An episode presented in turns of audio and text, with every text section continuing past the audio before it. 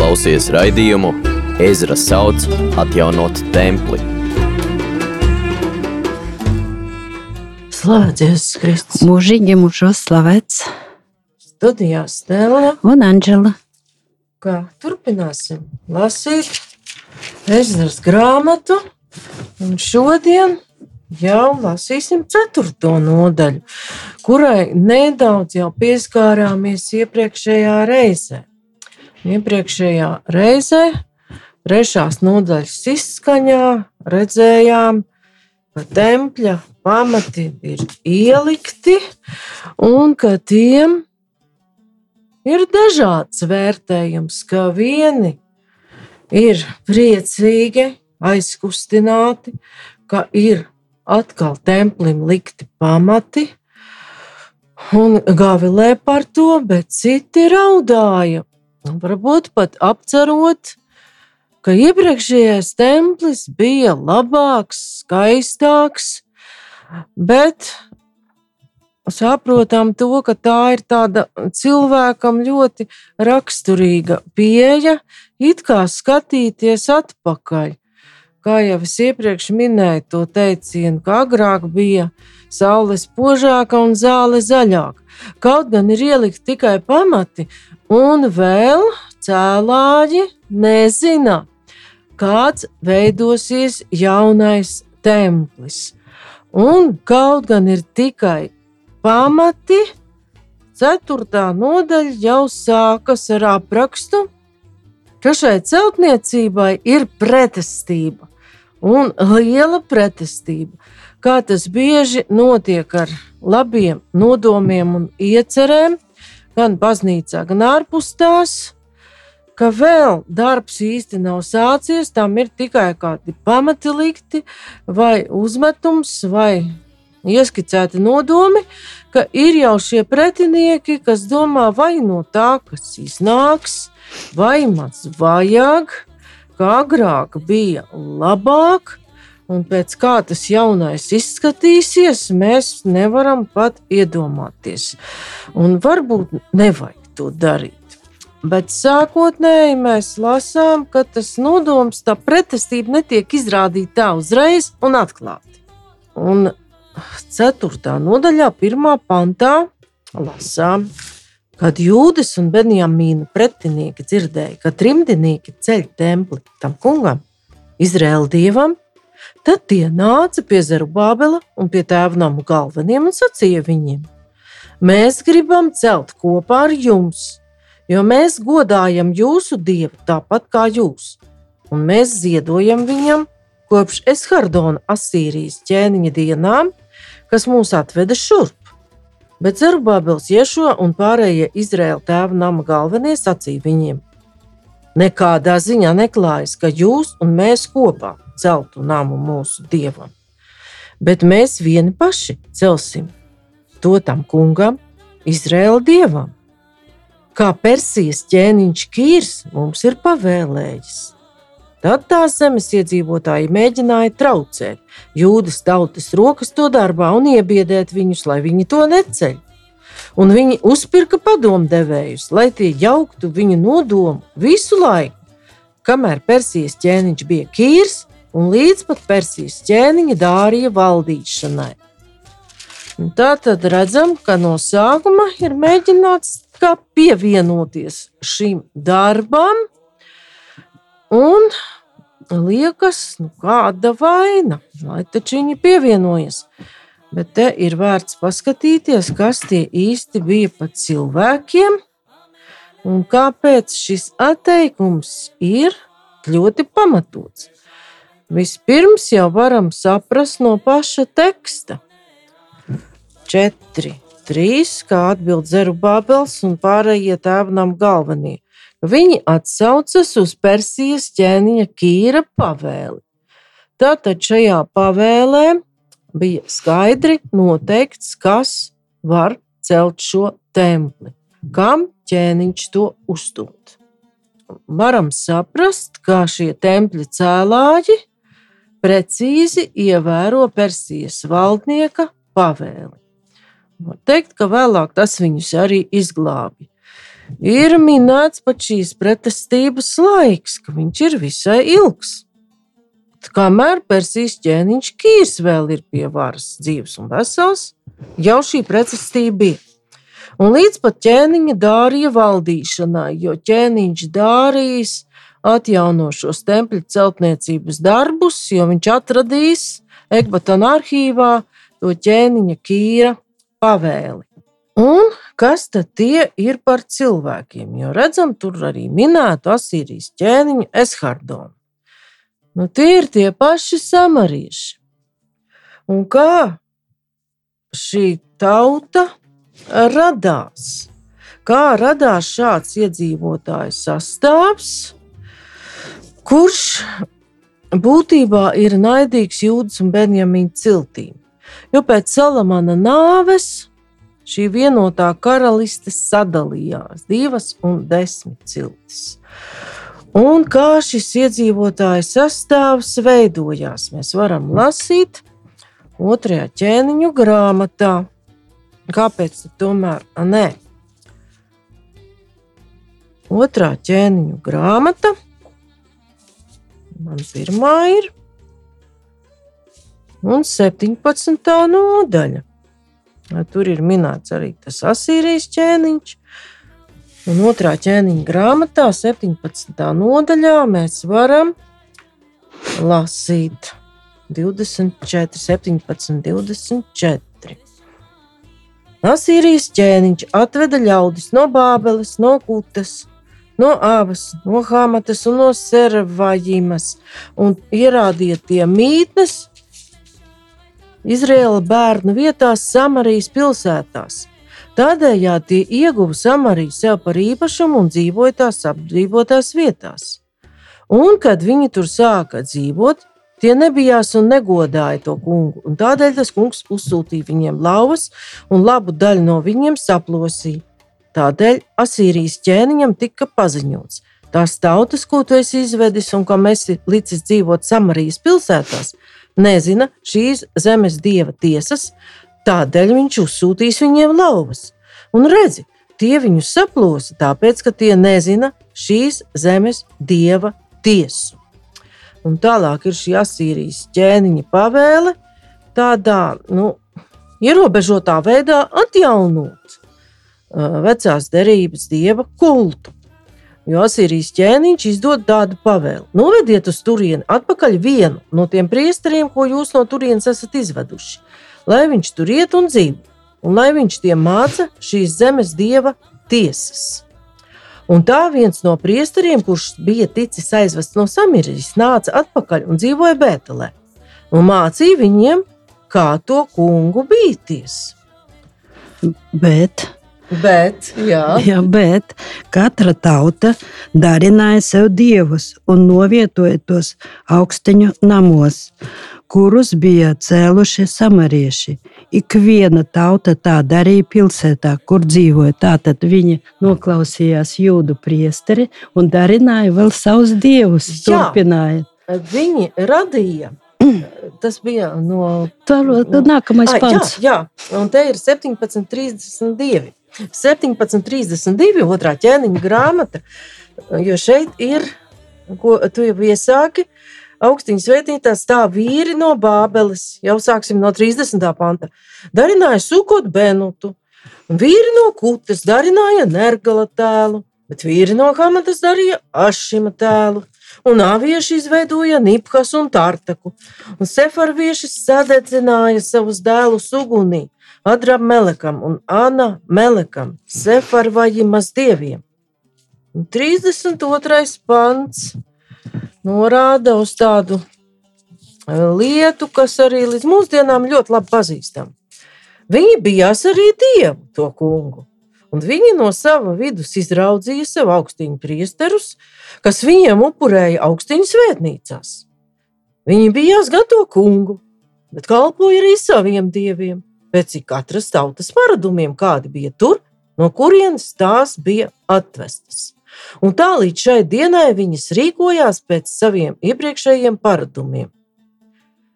Tie nebīstas to kungu, nec dara pēc saviem likumiem un pēc savām tiesām, nec pēc tās gauslības, nec pēc tiem likumiem, ko tas kungs ir pavēlējis Jēkaba bērniem, kuriem viņš deva Izrēla vārdu. No tā visa mēs saprotam, šie samārieši bija radījuši tas, ko mūsdienās saka, sinkrētiska reliģija, kurā bija no visa kāpa druskai. Viņi, var teikt, sēdēja uz vairākiem krēsliem reizē. Godāja gan tos pagānu dievus pēc savas tās apgabala paradumiem, gan nu, mēģināja vismaz formāli godāt arī Jahvi, vienīgo īsto dievu. Bet, ja lasītu mēs veco derību un sākot jau ar ekologu, tev nebūs citus dievus godāt līdzās man. Un to viņi pārkāpja. Un šeit vēl mēs varētu arī no, tad, no Pāvila pirmās vēstules korintiešiem, no jaunās derības jau izlasīt. Ja? Brāļi, es aicinu jūs, mūsu Kunga Jēzus Kristus vārdā, esiet visi vienoti, lai starp jums nav šķelšanās, bet lai jūs būtu saliedēti vienprātībā un kopīgā atziņā.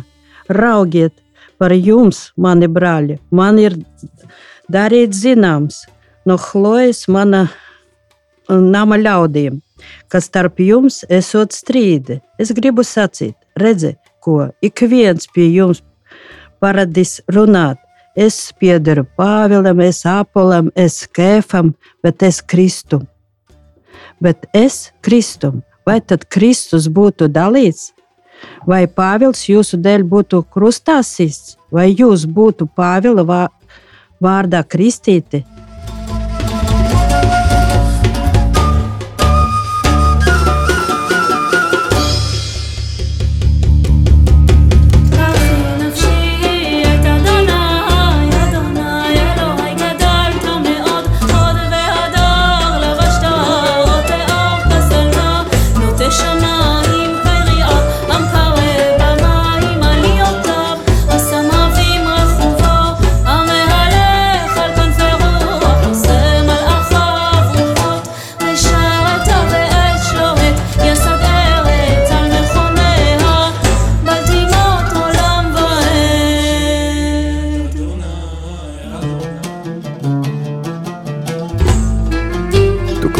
Raidījumu Ezra sauc atjaunot templi.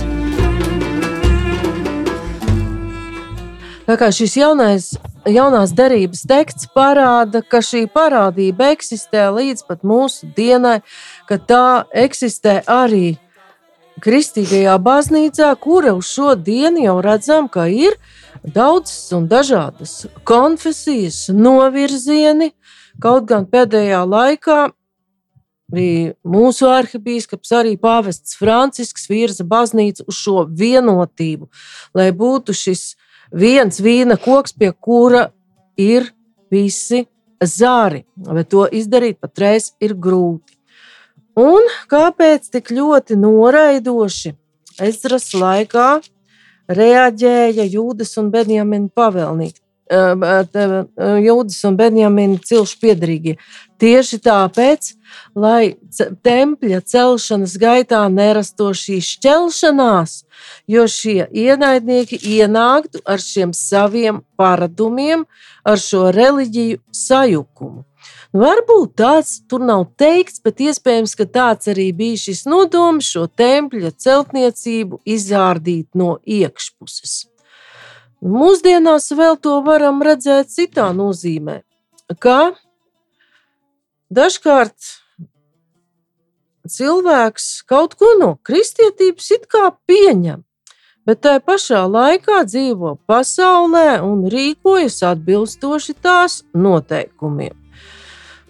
Gan kādos darba un ienākumu gūšanas jautājumos, vai arī kādos citos savas dzīves kārtošanas jautājumos.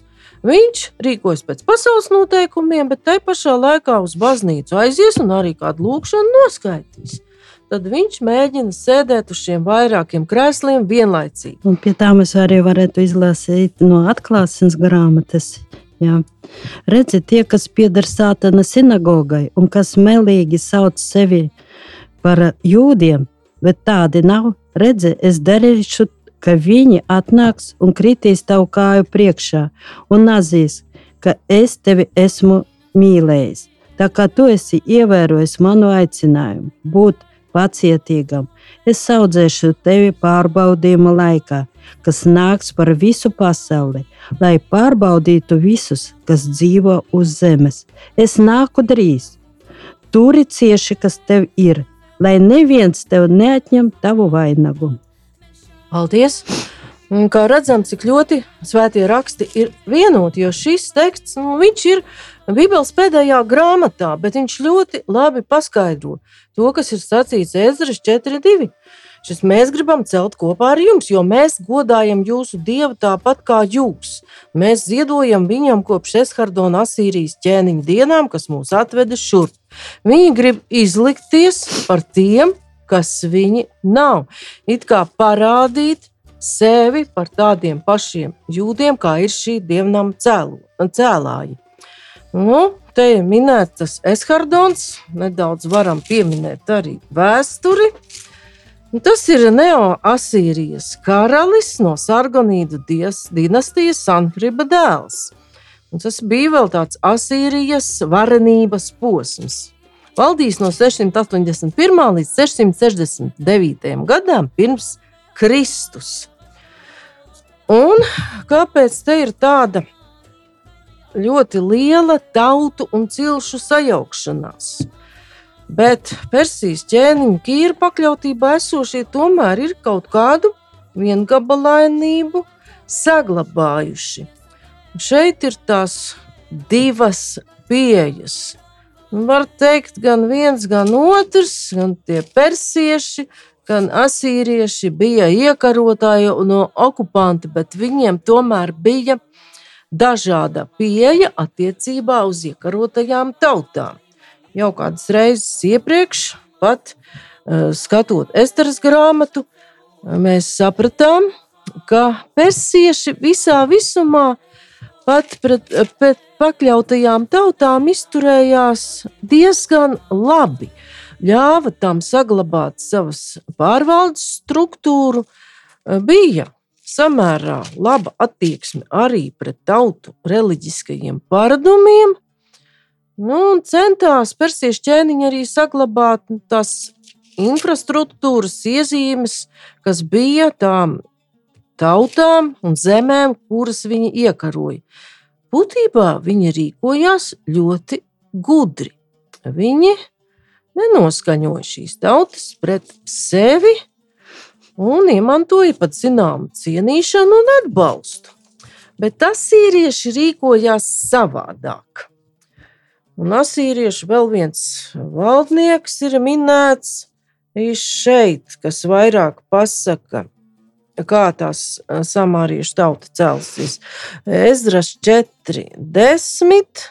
Viņi jau vairāk pasaka, tad, kad viņi jau raksta to sūdzību Persijas ķēniņam, Artaksarksam, un visas tautas, ko lielais un cildenais Osnapars bija atvedis un nometinājis Samarijas pilsētās un pārējos aizēfratas novados. Tā tad vēl viens Asīrijas valdnieks, kurš ir pārvietojis šīs tautas un nometinājis tur jo asīrieši bija liela militāra impērija ar atšķirīgu pārvaldes veidu nekā persiešiem. Iekarotā zeme bija bez kādām pašpārvaldes tiesībām, beztiesīga province. Asīrijas ķēniņa iecelts pārvaldnieks noteica visu, kas tur notika. Standartizēta likuma sistēma, visi šie likumi attiecās uz visiem iekarotajiem apgabaliem, nu, var teikt, līdzīgs kaut kas pat padomjas Savienībai. Vispārēji centralizēta kara klausība, un arī tur tie Zaldāti bija nometināti dislokācijas vietās, un nekāda, pat pabeidzot kara gājienu, nekāda mājās atgriešanās nebija. Un ko vēl viņi praktizēja? To pašu, ko praktizēja Padomju Savienībā - deportācijas. Tieši deportāciju rezultātā, ka šīs tautas tika pārvietotas, radās šī, šie Samarijas iedzīvotāji ar tik ļoti dažādu etnisku sastāvu un ļoti dažādiem paradumiem, pagāniskiem, arī judaismu paradumiem, kuri sāka ietekmēt viens otru. Jā, un šeit mēs arī varētu lasīt no evaņģēlija, jā, kā, kā mums jābūt uzmanīgiem pret, pret visu, kas mums ir apkārt pasaulē. Redzēs, jūs sūtu kāvis vilku vidū, tad nu esiet gudri kā čūskas un bez viltus kā baloži. Bet piesargieties no cilvēkiem, jo tie jūs nodos Sinedrijam un šaustīs savās sinagogās, un jūs vedīs manis dēļ valdnieku un ķēniņu priekšā, viņiem un pagāniem par liecību, bet kad tie jūs nodos, neuztraucieties, kā un ko jūs runāsiet, jo tajā pašā brīdī jums tiks dots, kas jāsaka, jo jūs nebūsiet tie, kas runā, bet jūsu tēva gars ir jūsos runās.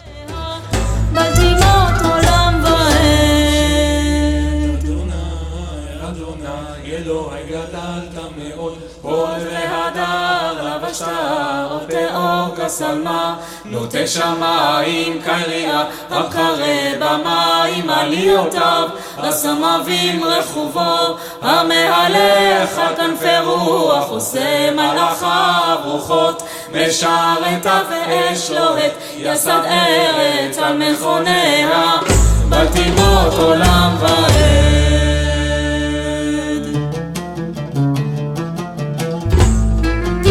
Klausies raidījumu Ezra sauc atjaunot templi.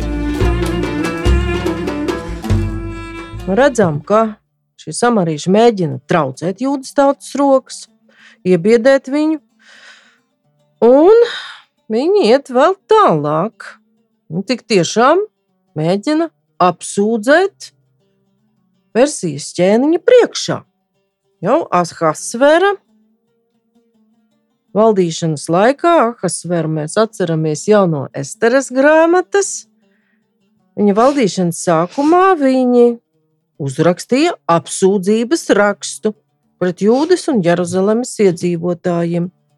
Ahasvers jeb Artaksers. Un Ezras grāmatā pat ir nosaukts šis sūdzētāju pulciņš, Višlams, Mitradats, Tabēls un pārējo viņa biedri rakstīja Persijas ķēniņam Artakserksam. Ziņojums bija sacerēts aramiešu valodā un rakstīts aramiešu rakstībā. Zemes pārvaldnieks Rehums un viņa rakstvedis Šimšais sūtīja ķēniņam Artakserksam pret Jeruzalemi vērstu ziņojumu. Un tālāk Ezras grāmatā ir arī šie, šis ziņojuma teksts. Tā tad notiek tas pats, par ko Jēzus brīdina savus sekotājus, ka jūs apsūdzēs dažādu valdnieku priekšā. Un te arī top nikns apsūdzības raksts, un kā redzēsim pēc tā satura, nu, ķēniņu šāda ļoti spēcīga sūdzība var uzrunāt. Un sūdzības teksts ir šāds. Un tas ir no 4. nodaļā, no 9. panta Ezras grāmatā. Zemes pārvaldnieks Rehums, valsts rakvedis Šimšais un pārējie viņa biedri. Un tālāk tur ir uzsaukti, vi, nosaukti visi šie dažādu tautu pārstāvji, un visas tautas, ko lielais un cildinājs Osnapars bija atvedis un nometinājis Samarijas pilsētās, aizēfratas nomados, un šis ir vēstules noraksts, ko tie sūtīja viņam. Tas osnapars varētu būt Asīrijas ķēniņš Ašurbanipals, kas ir vēlāk, kurš ir Nīnīves bibliotēkas dibinātājs. Ir tāds pieņēmums, ka tas varētu būt viņš. Tā tad arī viņš ir praktizējis deportācijas. Ķēniņam Artaksarksam tavi kalpi aiz Efratas vīri sūta sveicienu. Un tagad, lai tas top ķēniņam zināms, ka jūdi, kas ir atnākuši no tevis pie mums, ir nonākuši Jeruzalemē. Viņi ceļ šo dumpīgo un nikno pilsētu. Viņi pabeidz mūrus un izlabo pamatus. Tāpēc, lai tas top ķēniņam zināms, ka, ja šo pilsētu atkal uzcels un mūrus atjaunos, viņi nedos vairs mēslus, nodevas, muitu, un ķēniņa ienākumi samazināsies. Tā kā mēs ēdam no ķēniņa pilsētas un maizes, mums neklājas redzēt ķēniņa apkaunošanu. Tādēļ mēs sūtām šo savu ziņojumu ķēniņam, lai meklē tavu tēvu laiku grāmatā. Tu tad atradīsi laiku grāmatā un pārliecināsies, ka šī pilsēta ar vienu ir bijusi dumpīga, ķēniņam un zemēm kaitīga pilsēta, un ka nemieri tur ir celti un notikuši kopš seniem laikiem. Tādēļ šī pilsēta ir arī nopostīta. Mēs vēs, vēršam ķēniņa uzmanību uz to, ka ja šo pilsētu atkal uzcels un tās mūrus atjaunos, tad zemes aizēfratas novadā vairs nepaliks tavā īpašumā. Nu jā, un mēs te redzam, ka viņi grib labumu ķēniņam, jā, un tas ir sākums, kā vēstule sākās, jā, ka tieši tā izpalīdzība to ļaundaru. Un šeit es arī vēlētos vēl izlasīt no Jēkaba vēstules, ko nevar neizlasīt. Redzi, arī lielie kuģi, kurus dzen stipri vēja ar niecīgu stūri, tiek virzīti, kur viens stūrmanis to grib. Tāpat arī mēlē ir mazs loceklis, bet varen dižojos. Redzi, tik maza uguns tik lielu mežu aizdedzina. Arī mēlē ir uguns, kā nelietības pasaulē tā ielikta starp mūsu locekļiem. Tā apgāna visu mūsu ķermeni un ierauj liesmās visu dzīves gaitu, pati būdama elles aizdedzināta. Visa zvēru un putnu rāpuļu un jūrā mītošu dzīvnieku daba pakļaujas un ir pakļauta cilvēka dabai, bet neviens cilvēks nevar pakļaut dumpīgo ļaunumu mēli, kas pilna nāvējošas indes. Ar mēli mēs slavējam kungu un tēvu, un ar mēli mēs lādam cilvēkus, kas pēc dieva līdzības radīti. No tās pašas mutes iziet svētīšana un lāsti. Mani brāļi, tam tā nav jābūt vai tad no viena un tā paša avota klintī izplūst salds un rūkts ūdens reizē? Vai tad var mani brāļi vīgis koks dot olīvas un vīna koks vīgs? Tāpat arī sāļš avots nevar dot saldu ūdeni. Paldies! Un Jānis runā tieši par to veidu, kā top šī sūdzība. Liekas, ka tā ir izpalīdzība, bet būtībā šie sūdzētāji tiek klāt tāda impērijas ķēniņa ļoti vājām vietām. Pirms drošība, jau 16. pantā, kā mēs lasām, mēs vēršam ķēniņa uzmanību uz to, ka kad uh, viņš var zaudēt drošību un zaudēt zemes, ka zemes aiziefrats novadā vairs nepaliks tavā īpašumā. Drošība apdraudēta, zemes būs mazāk. Un viņa norāda arī uz lielām materiālām nepatikšanām ķēniņa kasei. Un tas ir teikts sūdzības tekstā Ezras 4.13. Tāpēc, lai tas top ķēniņam zināms, ka ja šo pilsētu atkal uzcels un mūs atjaunos, viņi nedos vairs meslus, nodevas muitu, un ķēniņa ienākumi samazināsies. Nu, ķēniņam tas nav patīkami. Un? Tieši to arī izmanto ļaunprātīgi. Jā, tieši to arī izmanto. Viltīgi. Un vēl, un vēl viņi izmanto arī ķēniņu tādu patmīlību. Un viņu tā kā biedē, ka tā kā mēs ēdam no ķēniņa pilsētas un maizes, mums neklājas, nu, pateikts ir tiešām ļoti tā, kā ķēniņam labvēlīgi. Mums neklājas redzēt ķēniņa apkaunošanu, viņi it kā uztraucas par ķēniņa reputāciju. Un notiek tas, ka ķēniņš tik tiešām sabīstas, un kaut ko līdzīgu mēs redzam arī jaunajā derībā. Arī jaunās derības laikā ķēniņš Hērods ne ar ko nebija citādāks, un viņš tāpat izbijās, kad gudrie viņam runāja par šo jūdu ķēniņu, kuram būs jādzimst. Un Mateja evanģēlijā otrā nodaļā mēs varam lasīt, arī cits ķēniņš jau ņem un izbīstās. Tā kā ķēniņu jāprot uzrunāt, viņu nobaidīt. Un Mateja evanģēlijā divi, divi mēs lasām. Atnāk šie trīs gudrie un jautā, kur ir jaunpiedzimušais jūdu ķēniņš. Mēs viņu zvaigzni redzējām austrumu zemē un atnācām viņu pielūgt.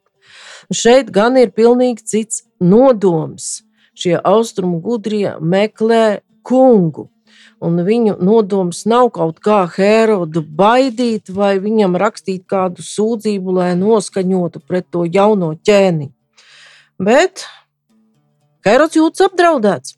Kad ķēniņš Herods to dzirdēja, tad viņš izbijās un visa Jeruzaleme līdz ar viņu. Tad ir šis ķēniņa varas apdraudējums, un tie sūdzētāji uz ķēniņa varas apdraudējumu norāda ļoti prasmīgi. Un šeit mēs vēl varētu izlasīt no uh, atklāsmes grāmatas 12. Um, nodaļas. Tad puķis sadusmots par sievieti, kuru viņš nevarēja uzvarēt, devās projām, lai sāktu karu ar tiem pārējiem no viņas dzimuma, kas ievēro dieva baušļus un tur Jēzus liecību. Un tas nostājas jūras malā. Var arī teikt, ka šeit ir līdzīga situācija, ka grib iznīcināt šo dieva darbu, tempļa celtniecību. Cīņa notiek. Un cīņa notiek, bet kā viņa risināsies tālāk, mēs skatīsimies jau nākamajā raidījumā. Bet šodien paldies par uzmanību. Studijā bija Stela un Anģela. Izskanēja raidījums Ezra sauc atjaunot templi